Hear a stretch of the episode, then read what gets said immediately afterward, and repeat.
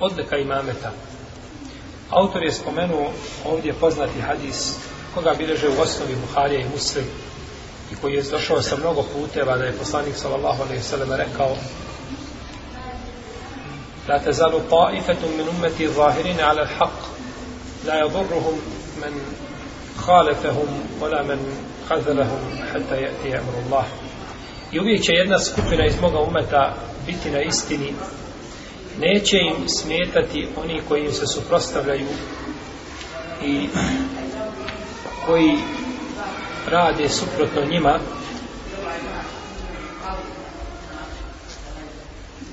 Sve dok ne dođe Allahova odredba. Kaže se da je Allahova odredba blagi vjetar koji će uzeti duše mu'mina. A u verziji kod imama muslima stoji dok ne dođe Isa alaih salam. U jednoj predaji kod mama Ahmeda navodi se u ome hadisu da je rekao poslanik da su pitali ejne hum ja Rasulallah, kaže gdje je ta skupina Allahom poslaniče?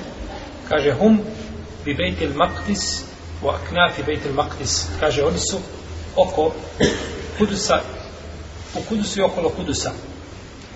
I ta predaja je daif nije vjerodostojna.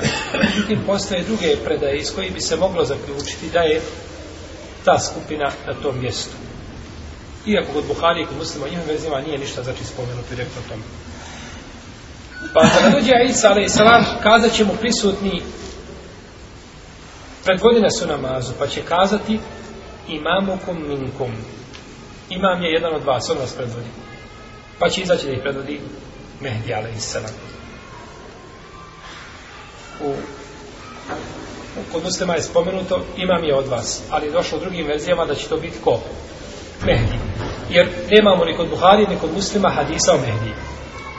Stoga jeste nastala tolika priča iz brka kod onih naravno koji ovaj, nisu bavili se hadiskom naukom stručno pa su poricali dolaza koga? Mehdije. A ispravno je da imamo osam vjerodostojnih hadisa koji govore o dolasku Mehdije. Pa kaže imam je jedan od vas.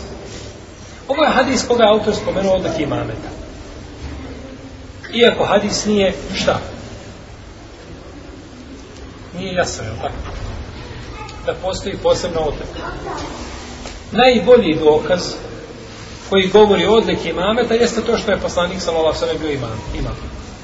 Pa su hadisi koji govore o odlikama učenja ezana kudi tamo brojni nego hadisi o učenju o, o, o, o, o, o, o, o, o, o, o,